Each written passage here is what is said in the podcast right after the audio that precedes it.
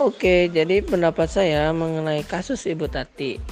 Jika saya sebagai salah satu guru yang berada di tetangga kelas Ibu Tati, maka saya akan memberikan hak interupsi saya atau akan memberikan pertanyaan setelah proses pembelajaran Ibu Tati selesai. Kemudian saya akan memberikan pertanyaan mengapa beliau memberikan hukuman kepada anak tersebut.